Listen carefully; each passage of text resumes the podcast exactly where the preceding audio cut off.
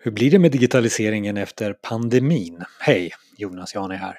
Jag gör ju även podden Effekten och just det här ämnet med digitalisering och vad som händer efter nuvarande läget. Det pratar vi om i avsnitt 134, pandemins påverkan på digitaliseringen.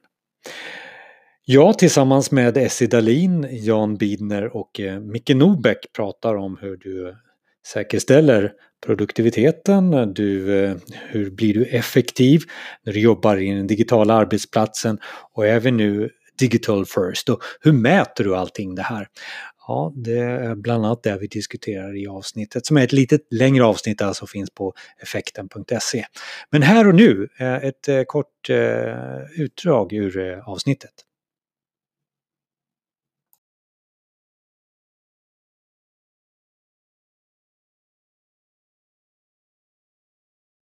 Men, eh, men frågan om det når upp i, i toppen här på organisationen, det tror jag att en av nycklarna är eh, användarundersökningar eller med, medarbetarundersökningar egentligen. När man tar pulsen på medarbetarna och frågar dem hur har du upplevt de här månaderna som har gått nu? Eh, och det, det, har vi gjort då i, i vårt företag och det visar sig väldigt eh, starkt eh, att, att eh, de tycker att det har eh, gått bra att jobba hemifrån och de tycker att hälsan har påverkats positivt och de tycker att man varit effektiva. Sen är det här saker som det, det, är klart att man säger så om man, om man gillar det alternativet att jobba hemifrån. Men det är väldigt, väldigt tydligt. Det är väldigt få som svarar att, att de har mått sämre eller att de har fått svårare att få ihop vardagen eller att de har varit eh, eh mindre produktiva. Eh, så att, och det där kommer ju synas. Jag tänker på det du pratar om just effektiviteten. Eh, jag är en av dem som, som jobbar väldigt bra Eh, hemifrån är väldigt effektiv. Och det skiljer givetvis mellan olika individer. Men eh, det var vd för ett energibolag som ställde frågan till mig, hur ska jag säkerställa produktiv, fortsatt produktivitet nu när folk jobbar hemifrån? Då frågade jag, hur säkerställer du den idag? Och det visar sig att man mäter ju inte vad de gör på arbetsplatsen utan bara att de är där. Så vi, vi, mm. vi mäter alltså närvaro men inte vad de gör när de är närvarande. Så det, det jag tror eh, blir väldigt viktigt här framöver när vi kommer ur den här onormala situationen det är att faktiskt analysera vad är effektivitet och så hur uppnår vi det på bästa mm. sätt. Och det ställer egentligen frågan på sin spets. Vad ska en arbetsplats vara till för? Därför vi behöver fortfarande det sociala. Så ska det vara en form av vuxen lekplats, mm. men man går hem och jobbar, eller alltså om man drar det till sin spets då. Så det, jag tycker det är en väldigt intressant frågeställning egentligen. Vad, vad, vad landar vi i när det här tar sitt slut? Janne, fyll på. Ja, men jag tänker på att en trend som man har sett lite grann, jag tror det var i Dagens Industri jag läste ett företag som gick ut och sa nu är vi digital first. Att man kör det här, att det blir mer, mer accepterat att ha helt digitala arbetsplatser som ett led i det här. Det är en liten trendspaning också kanske.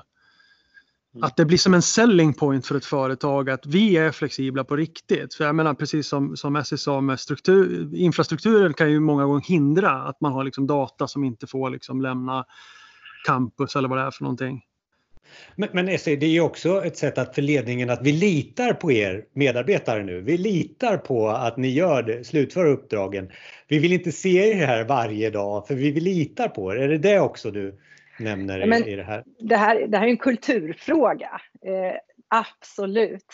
Att, att man skapar en kultur av ömsesidigt, alltså på riktigt ansvarstagande mellan de olika medarbetarna. Man kan känna en, en stark tillhörighet till sitt team även om man inte ses på plats. Jag har jobbat med team eh, över hela Sverige och även internationellt där man har suttit på olika platser, ibland i olika länder och ändå jobbar mot ett gemensamt mål. Och jag tror det är väldigt viktigt att känna det och det är ingenting, det är ingenting nytt. Det är väldigt djupt psykologiskt. Så det, det bör vi ta med oss fortsatt. Eh, men även att ha den typen av kultur att vi faktiskt kan jobba var som helst och när som helst men att vi faktiskt, är... man ställer ju givetvis samma krav på resultat. Om inte, om inte högre då. Eh, ibland så ställer man inga krav alls har jag också ja. upptäckt. För jag tänker att det måste ju vara ganska nära kopplat just till liksom projekt och leverans. Liksom. Jag menar, har du eh, leverans i projekt eller någon form av mätning av det man gör så löser det sig själv, tänker jag. Till skillnad om man jobbar liksom i någon, någon, verksamhet som inte mäts, för då är det ju svårt att veta. Och då finns det ju enda, enda man kan mäta är att man är på plats då liksom, fysiskt. Micke, du hade något att tillägga där? Mm. Ja, jag vill bara säga att, att jag tycker att eh, avstämningarna blir eh, ännu viktigare. Så för att, just för att mm. eh, inte ha den här oron om vad gör folk egentligen? Jag ser dem inte ens vid sitt skrivbord. Liksom. Utan har man motsvarande som vi har i, i väldigt många eh, företag i IT-branschen, att, att vi har daily stand-ups eller liknande, då, då blir det väldigt naturligt att berätta vad man gjorde igår och vad man ska göra idag. Om det är någonting som, om man måste hämta barn eller om det är något annat som hindrar en på något sätt. Och, Eh, så att, eh, eller man bara säger att jag kommer jobba, jag kommer, jag kommer vara mest online ikväll istället för på morgonen för att vi, det är skolavslutning eller någonting.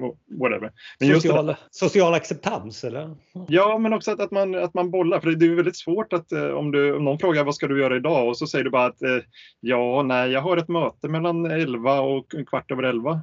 Alltså, det, då förstår man att du har ju tid till lite annat också. Så att säga. Så att det kan ju vara lite kontrollfunktion så att.